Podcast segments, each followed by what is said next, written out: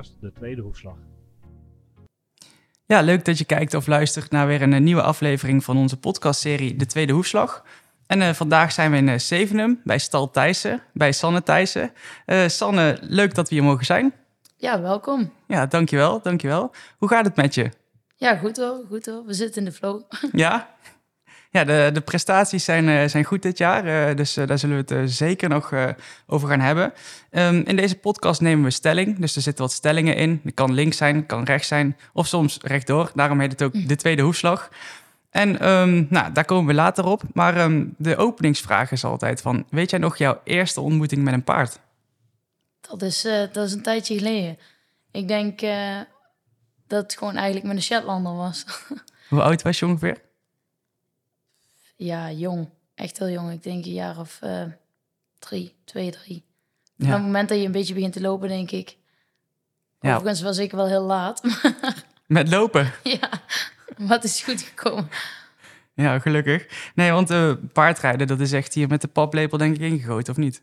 Ja, zeker. Uh, ja, uh, wij zijn ermee opgegroeid. De familie heeft een heel bedrijf, of papa en mama hebben een heel bedrijf. Dus ontmoeting met een paard uh, zal misschien zijn toen ik uh, net, toen, uh, net kon kijken, zeg maar. Dus ja, voor de eerste keer, zeg maar, echt erbij bij in de buurt zijn, zeg maar, zal wel zijn geweest met Shetlander, ja. Ja, want kun je eens vertellen hoe jij bent opgegroeid hier? En wat voor familie? Ja, pap is natuurlijk al van jongs af aan begonnen in de paarden. Um, op jonge leeftijd ook mam ontmoet. Dus die zijn daar samen een beetje ja, ingegroeid, samen een bedrijf opgebouwd. Um, ja, ze hebben eerst in Barlo gewoond. Uh, daar eigenlijk beginnend huren, vervolgens kopen, verbouwen. En uh, hun hart lag altijd in uh, Zevenum. En dat hebben ze uiteindelijk, die droom hebben ze waargemaakt door een ja, nieuwe stal daar te bouwen. Op deze plek? Ja, dat is deze plek, ja. Ja, en nu is het helemaal uitgegroeid tot een echt een internationale topstal, kunnen we wel zeggen. Ja, dat denk ik wel. Ja, we zijn uh, met een hoop ruiters en uh, ja, eigenlijk uh, kun je wel noem, noemen, een mooie stal noemen, zeg maar. Want hoe is jouw jeugd geweest? Wist jij altijd van ik ga paardrijden? Um, ja, niet direct bewust. natuurlijk wel altijd mee opgegroeid, altijd pony gereden. Maar mijn ouders waren vrij streng daarin. Die vonden internationaal rijden bij de ponies niet echt nodig. Uh, vooral omdat het ook behoorlijk wat, uh, ja, wat geld kost. En, en de ponies is puur ervaring op doen. En hun vonden dat dat op landelijk niveau ook prima kon. Ja, daarna begin je wat bewuster over na te denken. En merk je dat je ook wel redelijk uh, meedoet op het hogere niveau. En dan komt inderdaad dat besef van ik wil hier en verder. Wanneer was dat ongeveer? Ja, het, e ja, het echte besef denk ik is toen ik stopte met school. Toen, toen was het echt van oké, okay, nu is het definitief. Middelbare school? Ja. Ja, ja. Want um, heb jij bijvoorbeeld uh, vrienden en vriendinnen die ook paardrijden... of juist die totaal iets anders doen? Of is dat wel echt een wereldje? Ja, het is wel echt een wereldje. Ik heb uh, niet echt vrienden in de niet-paardenwereld. Uh, zeker omdat ook, ik denk als je er niet in zit, is het wel een beetje moeilijk te begrijpen. Het is een beetje een wereldje op zich. Um, kijk, als je voetbalt, die voetbal die leg je in de kast en doe je, en die zie je misschien over een week weer. Ja, dat gaat bij paarden natuurlijk niet. Het is 24-7 en het is alleen, ja, het is hard werken natuurlijk. Ja, ja. En heb je dan bijvoorbeeld uh, in die, uh, die jeugdtijd, zeg maar, ook nog andere hobby's gehad? Ja, niet, niet, uh, niet echt, nee. Ik deed wat ik wel erg leuk vond vroeger was dingetjes bouwen en zo. Dat, maar dat waren dan meestal weer hindernissen. Oké, okay, ja, ja, maar je hebt niet op voetbal, judo, dat soort dingen gezeten? Nee, helemaal niks. Volgens mij heb ik een keer tennis geprobeerd. Superleuk. Maar ja, dan als je die ponies nog moet doen, dan uh, heb je er helemaal geen tijd voor. Nee. Eerste stelling voor jou is: um, ik had op geen enkele andere plaats geboren willen zijn. Ja, dat klopt. Um, het is ook denk ik een beetje wat je gewend bent. Uh, ik ben gewend ja, om geboren of op te groeien met paarden. Uh, misschien als ik uh, in een ander gezin was opgegroeid, dan had ik uh, totaal iets anders gedaan. voor nu, ja, nee, ik zou echt liefst hier geboren willen zijn, inderdaad, in deze wereld. Maar wat ik zeg, het had ook anders kunnen zijn. Ja, want bof je daar dan ook mee dat je inderdaad die basis hebt gehad? Ja, zeker. de paardenwereld is natuurlijk even niet makkelijk als je op hoog niveau mee wil doen. Je bent natuurlijk afhankelijk van je paard. En daar heb ik natuurlijk wel een voorsprong in gehad ten opzichte van mensen die niet in een paardenfamilie zijn geboren. Eh, ik heb natuurlijk van begin af aan natuurlijk wel de betere paarden gehad die het op niveau mee kunnen draaien. Ook natuurlijk wel paarden zelf moeten opleiden, maar ook wel een aantal ervaren paarden gehad om ja, zelf ervaring op te doen. Denk je dat je anders ook dit niveau had gehaald? Dat denk ik wel, alleen was de weg misschien wat langer geweest. Mhm. Want wat, wat is echt het voordeel dat jij hebt gehad? Ja, uh, dat er in mijn tuin een, uh, stal staat. En uh, ja, dat er natuurlijk al even goed paarden op stal stonden... die al de nodige ervaring hadden op het wat hogere niveau. Maar ik zeg, we hebben ze ook zelf op moeten leiden. Maar er zijn ook paarden geweest die we wel over hebben kunnen nemen... die wel al de rondjes en de kilometers gemaakt hadden. Ja, echt familiebedrijf hier, hè? Hoe is mhm. de rolverdeling? Wie doet wat? Um, nou goed, eigenlijk hebben laten we zo zeggen, Mansmel en ik, mijn broertje, zusje en ik zijn uh, uh, ruiter Amazone. Uh, pap is multifunctioneel, denk ik. die, die doet natuurlijk handel eromheen. die rijdt zelf ook nog. zoeken van paarden, ja, nieuwe paarden aankopen, verkopen. en mam kan ik wel zeggen dat hij echt management doet. ja, dat is gewoon van A tot Z. hoe hoefsmid regelen, veearts regelen. Um, überhaupt kijken hoe de paarden erbij staan, toiletteren, scheren. Uh, ja, eigenlijk alles. Hooi, stro. Ja, het, je kunt zo gek niet bedenken. Papierwerk voor het buitenland eventueel. Heel belangrijk. Ja, ja. dus eigenlijk alles eromheen. Ja, dus eigenlijk prima rolverdeling zo. Ja, dat denk ik wel, ja. Ja. Nou heb ik gehoord dat jouw broertje Bans een keer uh, heeft getwijfeld. Dat hij dacht van, nou, ik weet niet of ik dat uh, nog wel zie zitten, paardensport. Heb jij dat ook gehad?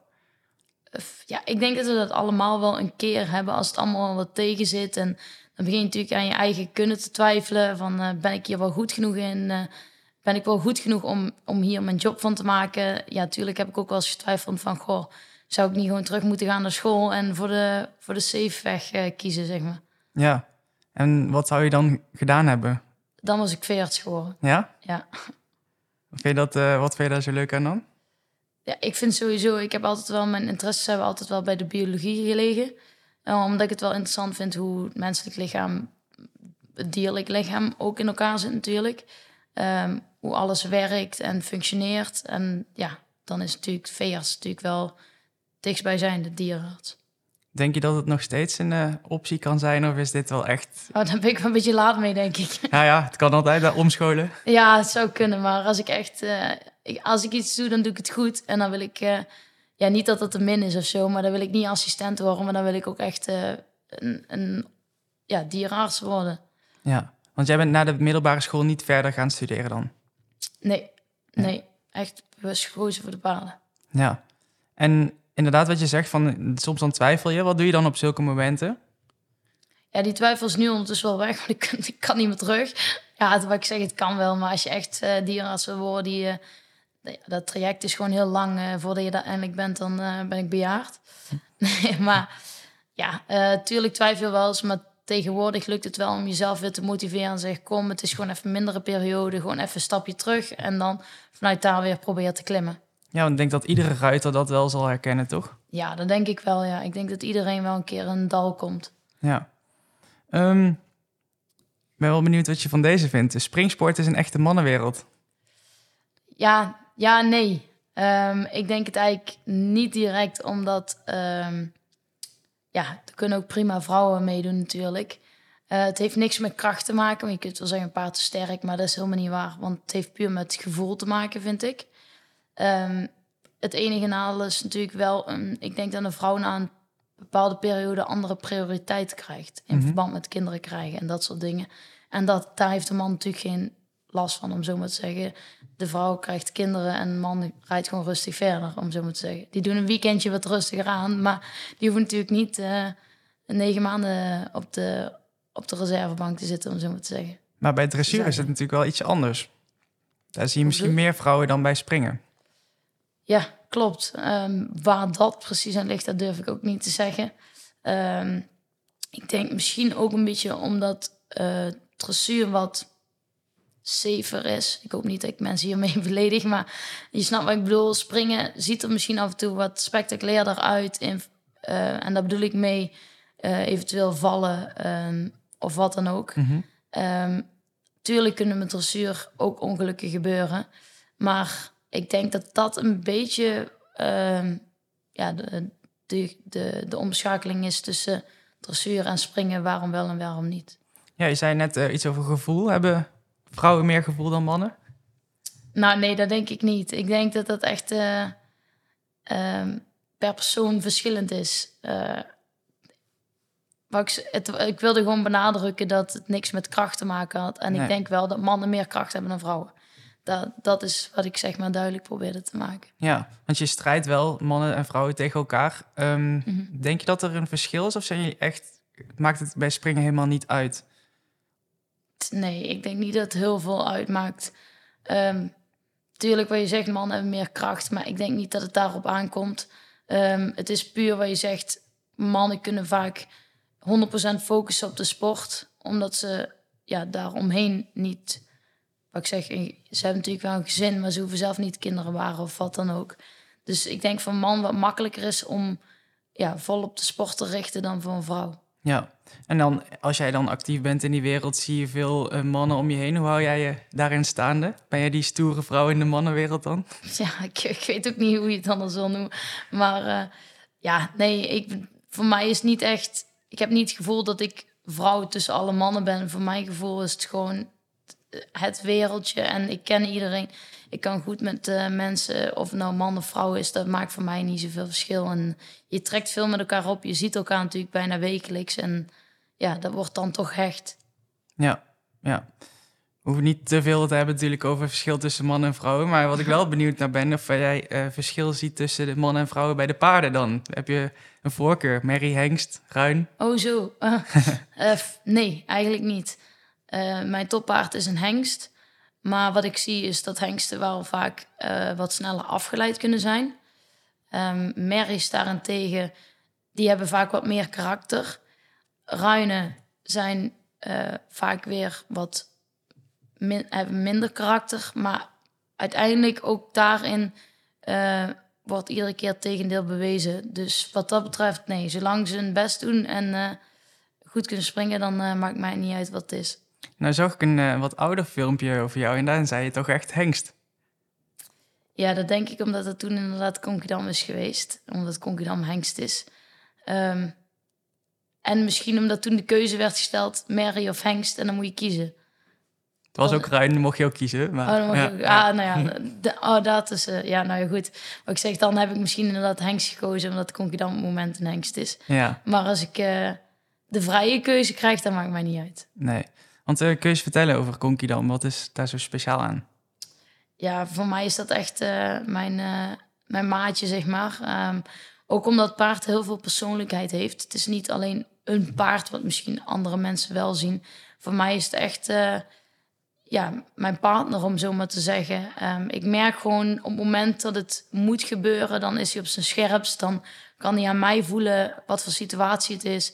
En dan voelen we elkaar gewoon abnormaal goed aan. En dan is hij gewoon op een top, scherp, in vorm en eh, gefocust.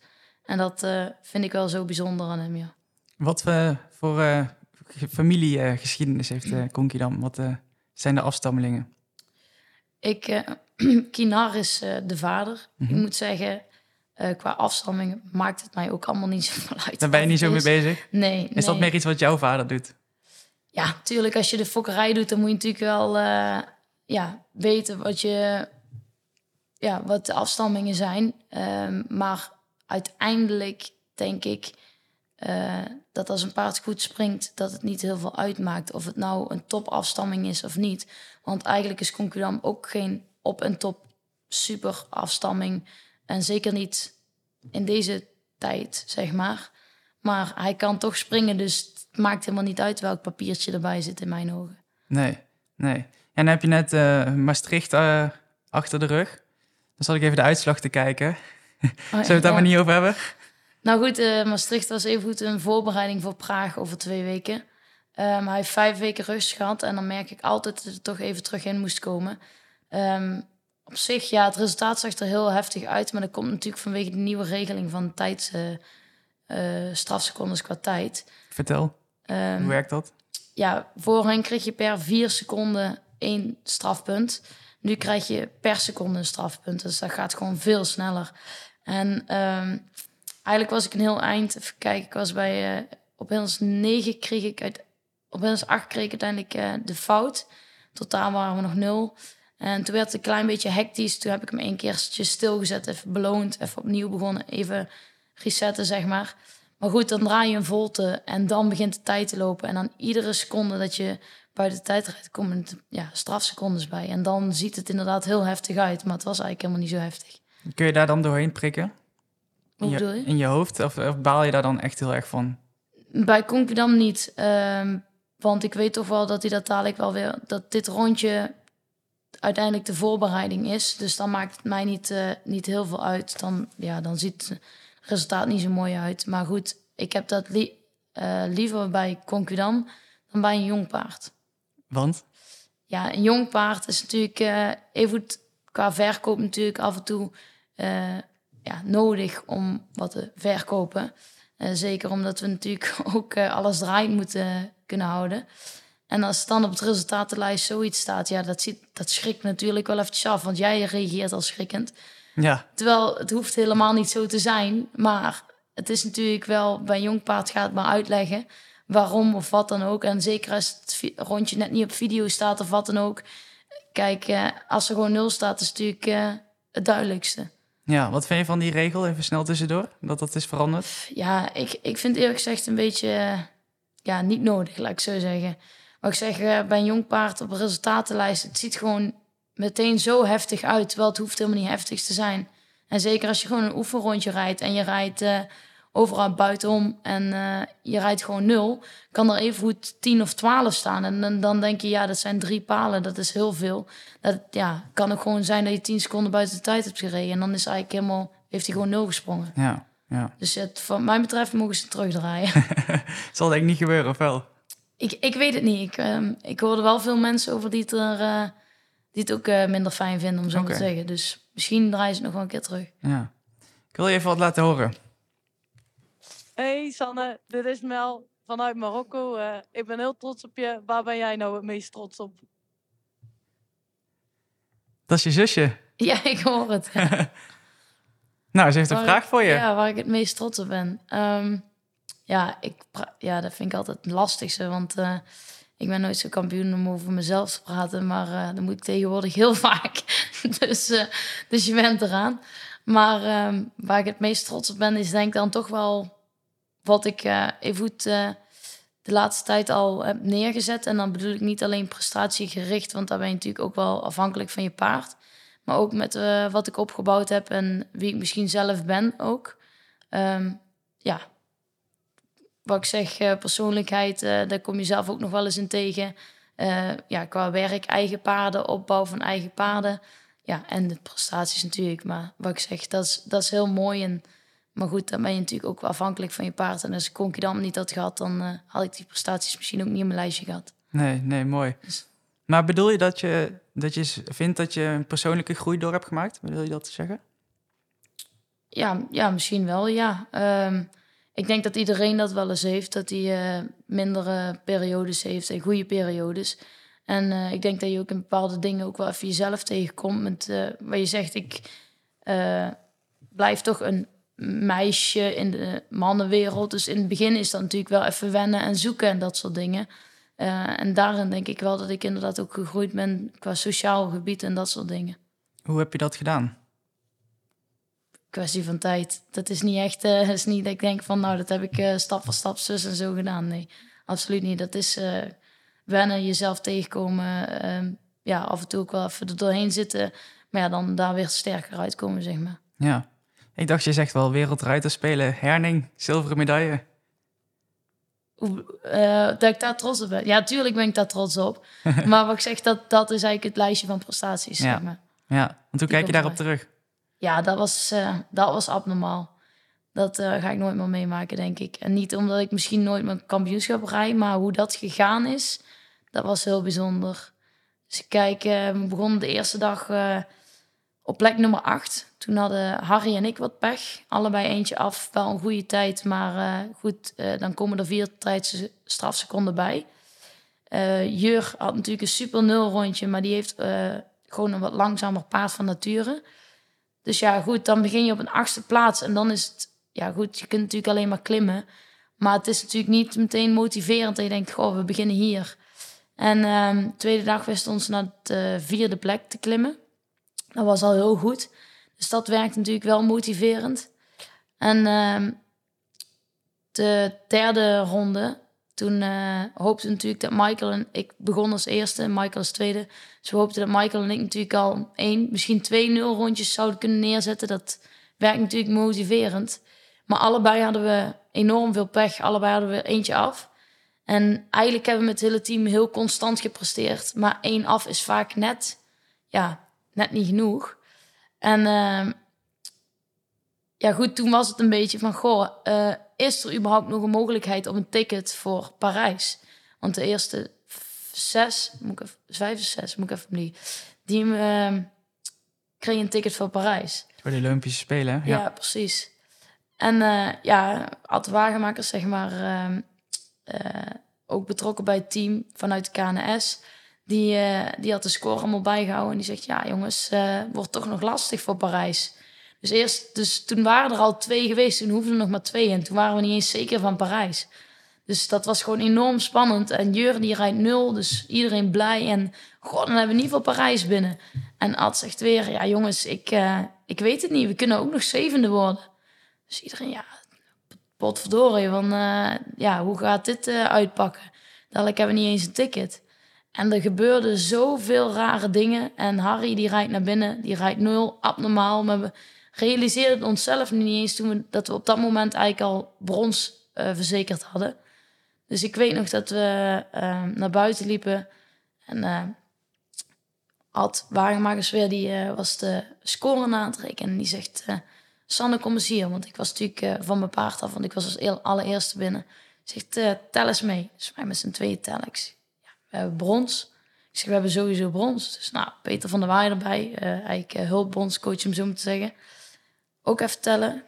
Ja, we hebben brons. Maar we durfden het niet te roepen, want daar zijn we iemand het maken met een dode mus, om zo maar te zeggen. Ja, drie keer tellen, drie keer tellen. We hebben echt brons. Dus wij, jongens, we hebben brons. Ja, nou, dus toen ging al dak eraf, want we hadden überhaupt geen medaille meer eh, verwacht naar, eh, naar Michael en mij. Ja, en toen gebeurde nog zoveel en toen hadden we uiteindelijk zelfs nog zilver. Dus ja, van twee, ruit, twee ruiters nog te gaan, niet te zeker weten of we überhaupt wel Parijs konden eh, eh, binnenslepen. Naar een zilveren eh, medaille. Dus dat was wel echt een rollercoaster, om zo maar te zeggen. Ja, Dat was echt heel gaaf.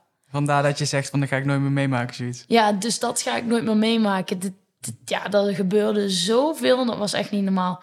Meestal als de laatste twee moeten rijden, dan kun je wel een beetje rekenen van... goh, die is niet meer in te halen. Dit is een beetje podiumplaats. Maar gewoon van, ja, van niet zeker weten Parijs eh bent te slepen naar een zilveren medaille. Dat is wel heel bijzonder. Ja, ja, gaaf. En het feestje na afloop?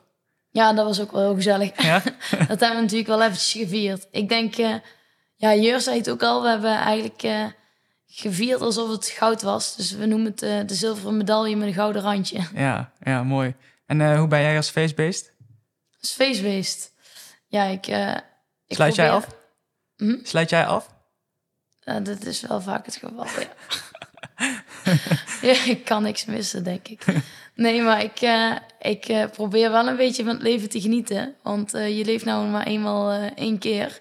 Tenminste, daar ga ik vanuit. Ik neem maar dat we niet meer terugkomen. Dus ja, kijk, je moet natuurlijk gewoon focussen op de sport. En dat doe ik ook wel. Maar af en toe moet je natuurlijk ook wel genieten van het, van het leven. Ja, en zeker als er zoiets te vieren is. Zeker als er zoiets te vieren Ja. is. Ja, en ehm, hoe zijn die andere jongens dan? Is, dat, eh, is het een leuk team? Ja, absoluut. Ja, dat is echt een hele goede band. Eh, we gunnen het allemaal elkaar. Eh, het is, was echt een sterk team. Ehm, ja, en dan zeker aan, na afloop, als je dan die zilveren medaille binnen hebt gehaald, dan is het, dan is het wel even een feestje. Ja, en zeker als je dan goed kunt met elkaar. Ja, want hoe was dat in Denemarken? Want volgens mij was daar niet zo heel veel te beleven verder qua omgeving, of wel?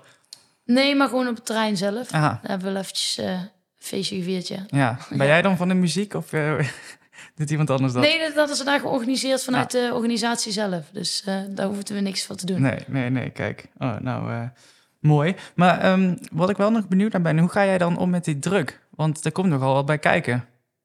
Ehm, ja, ik moet zeggen dat ik meestal wel het beste presteer onder druk. Ehm, omdat ik dan gewoon nog, nog iets scherper ben. Als ik voor mezelf ben, rij dan... ja goed, ben ik even goed ook wel scherp. Maar dan, dan zit er natuurlijk geen druk achter. En dan kan het nog wel zijn dat, dat mijn reactievermogen misschien iets later is dan wanneer ik van team ben rijden. Dan ben ik gewoon zo scherp en dan, ehm, ja, dan kan ik denk wel zeggen dat ik wel eh, goede prestaties neer kan zetten. En zeker ook omdat ik mijn paard zo goed ken en al lang ken, weet je ook hoe dat hij gaat reageren. En zeker omdat hij ook die druk voelt, is hij nog een stukje scherper. Ja. En van de, de verwachtingen, dus rondom de wedstrijden, omdat je straks al in het begin van het gesprek zei van ja, soms dan twijfel je een beetje aan jezelf. Ehm, dan twijfel ik niet aan mezelf. op, de- op die nee, momenten niet. Op die momenten niet. Eh, dat is over het algemeen, zeg maar, een Mhm. keer. Eh, dat heeft niet per se met druk te maken. En dat, eh, wat ik zeg, op het moment als je dan geselecteerd bent voor zoiets groots, dan heb je je meestal wel bewezen. En dan, ehm, als die druk erop komt te staan, dan weet je ook van, ik kan het. En dan is het puur laten zien wat je kunt. Ja, je bent nog echt heel jong en je hebt echt al mooie prestaties eh, achter je naam staan. Heb je ook tegenslagen gekend? Ja, tuurlijk. tuurlijk. Ehm, toen Conquidam even uit de running was, eh, die heeft helaas een blessure gehad. En die was er echt voor 2,5 jaar uit. Eh, toen heb ik natuurlijk wel fijne paarden gehad, maar Conquidam is once in a lifetime eh, horse. Dus ja, die zat er op dat moment natuurlijk eventjes niet tussen. En dan soms dan heb je van dat je het, dat je het, wat ik zeg, dan begin je te twijfelen en dan wordt het erger, erger, erger. En dan duurt het gewoon eventjes voordat je daaruit klimt. Ja, die periode heb ik wel eventjes gehad, ja. Ja, was dat moeilijk? Ja, dat was heel moeilijk, want dat zijn echt maar de periodes dat je dan begint te twijfelen van... is dit wel waar ik in verder moet? Want nu heb ik eh, Concudam niet eh, en dan lukt het allemaal niet. Ben ik wel goed genoeg, weet je wel? Dat soort dingen. En krijg je dan hulp van iemand, van je familie bijvoorbeeld? Of los je dat liever zelf op? Ja, je krijgt natuurlijk wel hulp van iedereen. ehm, ook qua les, les nemen, dat soort dingetjes, eh, mentale steun. Maar uiteindelijk moet je er wel zelf uitklimmen, want dat kan eh, niet iemand anders voor jou doen. Nee. En nu ben je sterker dan ooit. Ja, ik hoop het. Maar goed, het, er zullen vast nog wel tegenslagen komen. Maar ik probeer me van, te, van de piekmomenten hier te genieten. En dan eh, zo snel mogelijk weer uit die, dal, eh, of uit die dalen te komen. Ja. ja, want je zegt Conquidam is natuurlijk eigenlijk zo'n once-in-a-lifetime horse. Ehm, maar hoe zorg je dan voor nieuwe aanwas? Fokken jullie zelf of ehm, kopen jullie eh, nieuwe Conquidams aan? Ja, Dat is natuurlijk heel concurrents- Ja, concurrents aankopen, dat is niet zo makkelijk. Want ja, goed, eh concurrent zo aankopen op leeftijd en ervaring, dat is bijna onmogelijk. Want de meesten willen dan ook helemaal niet meer verkopen. Net zoals bij ons, bij ons gaat hij ook niet meer weg. Eh makkelijkste is dan inderdaad als of makkelijkste, wat je dan kunt doen, is inderdaad als jong paard aankopen. En dan het risico nemen eh, dat hij zeg maar doorontwikkelt dan kun je inderdaad aankopen of inderdaad zelf fokken. En dan doen wij dat beide inderdaad. Heb jij een voorkeur? Ja, nee, eigenlijk niet. Ehm, kijk, qua aankoop is natuurlijk vaak... ehm daar kun je wel vaak al iets zien Mhm. van zit er talent in of niet. Maar dat is zelfs met mensen. Mensen kunnen talent hebben, maar als ze zich niet doorontwikkelen of niet eh, de motivatie hebben om zich door te willen ontwikkelen, dan uiteindelijk kom je er met alleen talent natuurlijk ook niet. Eh, bij fokkerij weet je natuurlijk wel een beetje van de achterliggende of de achtergrond, zeg maar. Vaak omdat je de, bij ons hebben we de merries, zeg maar, zelf. Die hebben al een hoger niveau gelopen. Vaak met mijn vader of met mij toevallig eentje. De meeste natuurlijk met pap. Ehm, dus dan weet je natuurlijk al een beetje hoe, wie of wat. Maar ja, dan heb je helemaal geen eh, oog van tevoren, zeg maar, die kan bevestigen van, goh, er zit talent in of niet. Het kan natuurlijk eh, twee talentvolle eh, vader en moeder zijn, zeg maar. Maar het kan ook zijn dat er eh, een veulentje uitkomt die, eh, die bij God niet weet hoe dit die over een balkje moet springen. Nee, nee. Ja, je zegt van de karakter. Ehm, is het bij paarden makkelijker of moeilijker dat die echt die wilskracht om door te ontwikkelen ten opzichte van de mens? Want je zegt van ja, mensen moeten ook maar dat, dat hebben hè, in zich, dat ze zich Mhm. beter willen, dat ze beter willen worden. Is dat bij paarden makkelijker? Nou, nee, eigenlijk niet, want die kunnen niet praten. Mhm. Dus je kunt niet zeggen van, goh, als je nou even een beetje doorwerkt... En, eh, Dan wordt het alleen maar leuker. Ja, dan wordt het alleen maar leuker. Ja. Ja, als je nou een beetje inzet eh, toont, dan eh, wat beter. Nee, dat, ja, dat kun je wel zeggen, maar ik denk niet dat ze het begrijpen. Nee, nee. Ik heb eh, nog een fragmentje voor je. Hey Sanne meid, het is papa. Ik wou zeggen dat we heel trots op jou zijn. En ik heb eigenlijk een hele simpele vraag. Gewoon een gewetensvraag. Hoe zie jij het leven over tien jaar? Dus die vraag stel ik jou, papa. Heb je ze in Marokko opgebeld? ik was erbij. Oh, je was daar? ja. Oh, kijk. Nou ja, ik zal die vraag even beantwoorden. Maar ehm, ja, dat is even goed lastig, want je weet niet hoe het leven gaat lopen natuurlijk. Tien jaar, dat is ja, echt heel ver weg. Ben je 33? Ja. Ja, één, één dag. Ik ben morgen, ja. Oh, oké. Ja, ja. 34, ja. Ehm, ja, laat ik zo zeggen, mijn droomplaatje is dat ik dan eigen bedrijf heb, eigen paarden ehm, en mijn eigen spulletje kan runnen. Dat is het droomplaatje. Maar goed, wat ik zeg, eh, als ik kijk eh, hoe leven kan lopen en vanaf het moment dat ik besloten heb om mijn eigen business ernaast te doen, zijn er al zoveel dingen veranderd in eigenlijk een jaar tijd. Ja, en een jaar is er maar één van die tien natuurlijk. Dus als dat iedere keer zo gebeurt, dan, eh, ja, dan weet ik ook niet hoe mijn leven er eh, over tien jaar uitziet. Ja, je vader, eh, Leon natuurlijk, die zei van... toen hij de boodschap had ingesproken van... ja, ik ben eigenlijk wel benieuwd. Misschien zegt ze wel van een man en vijf kinderen en zo. dan Oh. weet ik ook waar ik aan toe ben. Ja, nou, vijf komen er zeker niet. Dat kan ik vast bevestigen. hoeft u zich daarover geen zorgen te maken. Hoe is de band met je vader? Ja, goed. goed. Ehm, ik denk we vooral een beetje een, een, een werkrelatie hebben. Ehm, zeker, ja, omdat we er allebei zo mee bezig zijn. En ik ben natuurlijk wel... eh, uiteindelijk is pap zeg maar degene waar ik naartoe kan voor advies. Op werkgebied natuurlijk. Zeker omdat hij al zoveel ervaring heeft. En hij heeft het allemaal zelf opgebouwd. Dus hij is ook meerdere situaties tegengekomen... waarin ik al kan vragen van... Goh, eh, wat zou jij doen? En dan kan ik natuurlijk heel makkelijk daarin het advies opvolgen... omdat hij het al allemaal meegemaakt heeft. Lijken jullie op elkaar? Ja en nee. In eh, bepaalde opzichten natuurlijk wel. In bepaalde opzichten lijken denk ik wel op mam. Vertel.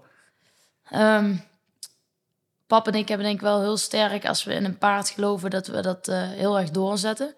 Ehm, heel graag het paard dan ook de tijd geven. Ehm, ook al zit het dan even tegen, dan even gewoon rustig door blijven gaan. En eh, ja, misschien ook een stukje eigenwijzigheid die daar naar boven komt dan. Ehm, ja, doorzettingsvermogen overigens ook. Eh, ja, er zijn nog wel meerdere, denk ik, maar daar moet ik even over nadenken. En eh, van, van je moeder? Mam, ik denk op mensengebied, zeg maar, dat mam en ik kunnen wel redelijk goed mensen aanvoelen zonder dat ze wat gezegd hoeven te hebben, zeg maar. En eh, daarin allebei zijn we heel erg, denk ik, dat we heel erg rekening houden met mensen om ons heen. Dat we liever een ander gelukkig zien dan onszelf, denk ik.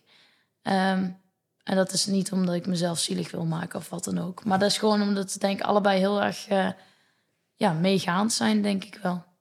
Ja, ik ben ook wel benieuwd, eh, want ehm, ik heb jou inmiddels een paar keer gesproken. Misschien weet je dat niet meer, maar... eh, ja, dat weet ik zeker wel. Oh, oh. Ja, wat dan?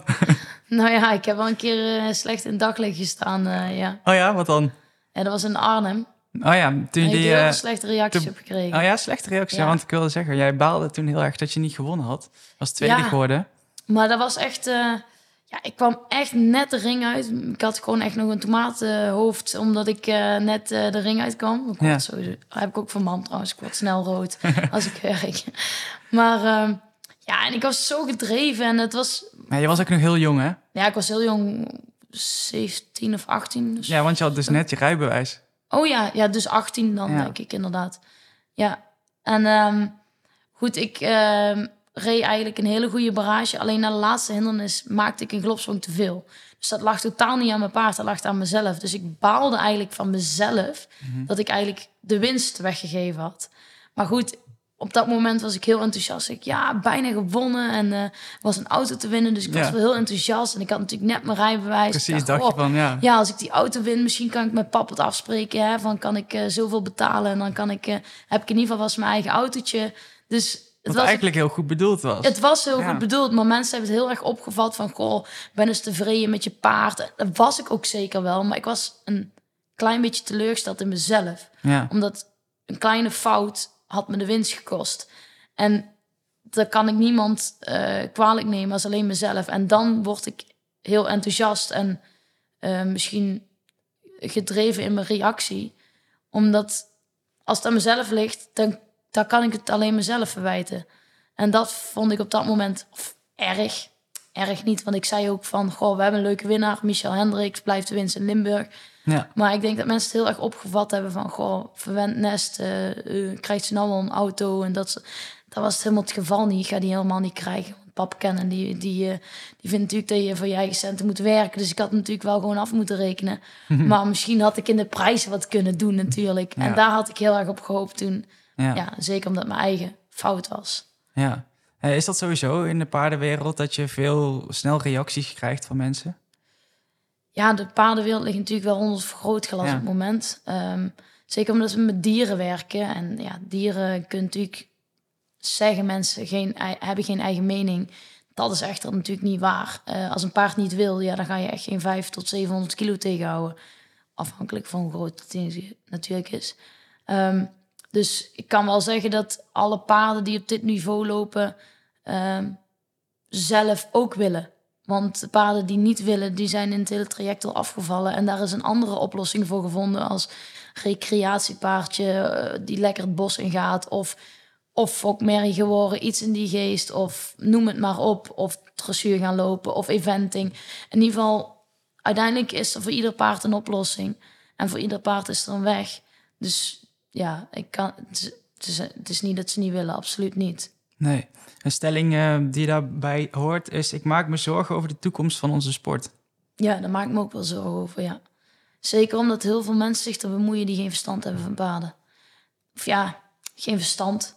Kijk, die, die kijken natuurlijk naar de natuur. Daar lopen ze eh, in het wild, eh, moeten ze zelf op voet, achter voedsel aan en wat dan ook. Kijk, het, het is een beetje ook wat, je, wat we eerder in dit gesprek zeiden.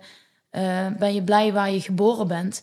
Ja, kijk, ik ben dit nu eenmaal gewend, dus ik ben er blij mee als ik geboren was, eh, als ik de dochter van eh, Marco Bussato was of wat dan ook, dan was ik misschien daarmee blij geweest. En dan was ik misschien zangeres geworden, weet ik veel. Dus het is ook een beetje wat een paard gewend is. Ik denk dat paarden prima, of ik denk dat de paarden blij zijn met het leven wat ze hebben. En waren ze opgegroeid in het wild, waren ze daar blij mee geweest. Dus ja, zeg het maar. Ja. Voel jij dan ook bijvoorbeeld geroepen om daar ehm, jouw stem in te laten horen? In die discussie? Ehm, in discussie gaan heeft weinig zin, denk ik. Wat ik zeg, ehm, het is een wereldje apart. Dus het is heel moeilijk te begrijpen voor de buitenwereld. Wat hun natuurlijk zien, is dat die paarden over hoge hindernissen springen. Het kan natuurlijk een keer misgaan. Het kan een keer zijn dat je valt of wat dan ook. Bedoel, dat kan met alles. Eh, in de natuur kan een paard opgegeten worden. Ja, dat is ook heel cru. Maar goed, het kan. En dat zien de mensen. En daar wordt vergrootglas natuurlijk op gelegd. Ehm, maar wat ze natuurlijk niet zien, is wat er achter de schermen gebeurt. Een paard moet een uurtje per dag werken en voor de rest wordt hij alleen maar in de watten gelegd. Ja, dat zien ze niet. Maar het vergrootglas wordt op die slechte dingen gelegd. Of slechte, mindere dingen natuurlijk. En niet op de goede dingen. De incidenten. Ja, de incidenten. En, maar dat, dat is dus met alles, wat ik zeg. Dat kan met alles gebeuren. Ja. Want ben je dan bang bijvoorbeeld, ehm, dat is natuurlijk ook altijd de discussie van moet paardensport nog op de Olympische kalender staan? Ja, dat vind ik wel.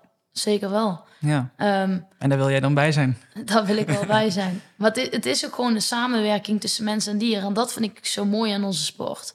Ehm, alleen wat de activisten zeggen is... een paard heeft geen, eh, geen stem om te laten weten wat hij wel en niet wil. Ja, wat ik zeg, als een paard niet wil... dan hoeft hij dat niet te zeggen. Dan laat hij dat wel zien, hoor. En dan wordt een andere oplossing gevonden en gezocht. En tuurlijk kan het in de ring een keer gebeuren dat een paard stopt, dat hij in verzet komt. Maar dat heeft niet altijd mee te maken dat ze niet willen. Eh, het kan natuurlijk ook gewoon met de afstand van een hindernis te maken. Kijk, mensen maken ook fouten. Wij kunnen ook natuurlijk een minder fijne of, of gewoon een slechte afstand rijden. En als het paard dan ziet van, goh, dit, dit gaat niet, niet lukken, kan die stoppen. Heeft niet niks mee te willen dat hij niet wil. Maar dan beschermt het paard zichzelf van, goh, eh, sorry Sander, dit gaat niet lukken. Nou ga ik eventjes stilstaan en even opnieuw proberen. Dat wil niet zeggen dat hij dat niet wil. Nee. Maar ja, dat, dat lijkt dan natuurlijk voor de buitenwereld als je er geen verstand van hebt. Ja. In ieder geval niet van de sport. En die ehm, Olympische droom, Ja, die is natuurlijk wel. Ehm is die, zegen- is die dichterbij dan ooit nu? Ja, je weet het niet. Wat ik zeg, in, ik zei net al, in een jaar tijd kan er zoveel Ja. veranderen. En eh, eh, Parijs is natuurlijk nog twee jaar eh, ehm, verderop. Mhm. Dus ja, zeg het maar. Ehm, kijk, Konkidam is wel in vorm. En hij zou eventueel nog Parijs kunnen lopen. Hoe oud is hij dan? 18. Dus dan zou zeg maar dat een beetje het laatste jaar zijn, om zo maar te zeggen. Dus ja, mijn ultieme droom is Parijs rijden en dan het zadeltje afdoen. Ja. Maar ehm, misschien geeft hij voor die tijd al aan van Sanne, ik ben te oud, eh, ik hou het niet meer vol, eh, het is goed geweest. Dat Ja, kan Daar natuurlijk sta ook. je dan ook wel echt voor open. Ja, tuurlijk. Ik vind wel, moet wel daarom ook hierin weer kijken naar wat paard kan en wil. Als hij, we kennen ze goed genoeg, ik ken zijn karakter. Als hij aangeeft van het wordt te veel, dan moeten we gewoon eh, een ander plan trekken. En dan is het gewoon, goh, het is klaar. En heb je een plan B, zeg maar? Eh, Qua paarden. Mhm. Ja, ik heb wel een aantal eh goede jonge paarden die eraan zitten te komen. Maar dat heeft ook tijd nodig natuurlijk, opleiding. En dan is natuurlijk weer de vraag van... halverwege het traject worden ze misschien wel verkocht. Want wat ik zeg, er moet natuurlijk toch brood op de plank komen. Dus Dan moet je bij je dus- vader zijn, toch? Ja, maar ja, ook bij mezelf. Ik heb natuurlijk een aantal eigen paarden. Dus eh, Daar ga je echt helemaal zelf over dan. daar ga ik helemaal Ja. zelf over, ja. Ja. En dat is ook de intentie van eigen paarden. Zodat ik daar ook eh, zelf de regie- in handen heb. En niet dat, eh, dat pap dan iemand aankomt van... Sanna is verkocht. Ja. Ja. ik snap dat het moet natuurlijk. Maar het is wel altijd eventjes zuur. Eh, ik heb dan nog wel een leuke. Mijn vader is inmiddels geen concurrent meer van mij. Wie zegt dat? Dat is de stelling. Ehm jawel. Ehm, op bepaald niveau wel. Ehm, ik heb natuurlijk met Conquidam alle mogelijkheid om het hoge niveau te halen. Maar ik heb natuurlijk naast Conquidam ook andere paden. En dan kom ik pap natuurlijk ook gewoon tegen. En dan als ik in een barrage zit, hoef ik, eh, moet ik me in ieder geval wel zorgen maken om pap. Want die eh, kan even ook nog gewoon prima barrage rijden. ja, ja. Maar dat eh, op stal, wie, wie regelt dan bijvoorbeeld welke paarden wie rijden en zo? Eh, in principe pap natuurlijk. Die, het moment dat ze aankomen, zegt hij... Goh, Sanne gaat hier rijden, Mel gaat hier rijden, Mans gaat hier rijden. Niels, die eh, ook voor ons Ja. werkt. Kerst, hè? Niels Kersten, ja. Ehm, maar we hebben natuurlijk ook wel eens... Je moet natuurlijk een bepaalde bandklik hebben met een paard. En als die er niet is, is die er niet. Maar dat wil niet zeggen dat hij bij de andere ruiter er niet is. Dus dan kunnen we nog wel eens onderling zeggen van... Goh, eh, ik, heb het, eh, ik heb geen band met dit paard. Ehm, zou jij het een keer willen proberen? En dan kunnen we zeggen van... Goh, ja, ik eh, heb niet zo'n band met deze. Misschien eh, een keertje ruilen, weet je. En dan kun je proberen inderdaad of het bij de ander beter klikt. En eh, meestal kijk natuurlijk ook wel naar het type paard. Dat leer je dan natuurlijk wel kennen op het moment dat je er zelf eh, mee rijdt. En dan kun je ook wel een beetje inschatten van... Goh, die past beter bij Niels of die past beter bij Mans. Zullen we eens een keer iets ruilen? Ja. Dus dan gaan we onderling wel eens overleggen. Maar als ze aankomen is het echt eh, pap die zegt van... die krijg jij of die krijgt Jan. En hij pakt niet allemaal het beste voor hemzelf. Nee, nee, hij... eh, meestal eh, is pap van de projectjes, zeg maar. Ah, oké. Dat zijn zeg maar de paarden die, ja, die gewoon jong zijn en die gewoon nog een, een weg te gaan hebben. En jij? Van alles en nog wat. Oh. ja, dus wat ik zeg, soms komen wel oudere paarden eh, binnen die wel al wat meer ervaring hebben. Ehm, dan komen ze bij mij terecht. Maar ook gewoon jongere paarden die nog opgeleid moeten worden. Dus mijn lijstje is echt heel variabel. Ja. Ehm, nog één ding die ik eruit wil lichten. En dan gaan we richting het eh, einde. Ehm, Global Champions Tour starten of met Nederland een eh, landenwedstrijd rijden? Ja, twee kanten. Want Nederland en landenwedstrijd rijden is het mooiste wat er is. Je, wat ik zeg, dan ben ik op mijn scherpst. En dan zet je prestatie ook neer voor anderen en niet alleen voor jezelf. En eh, ja, de spanning is gewoon veel groter. Want je hebt eh, eh, meerdere rondjes dat het moet gebeuren.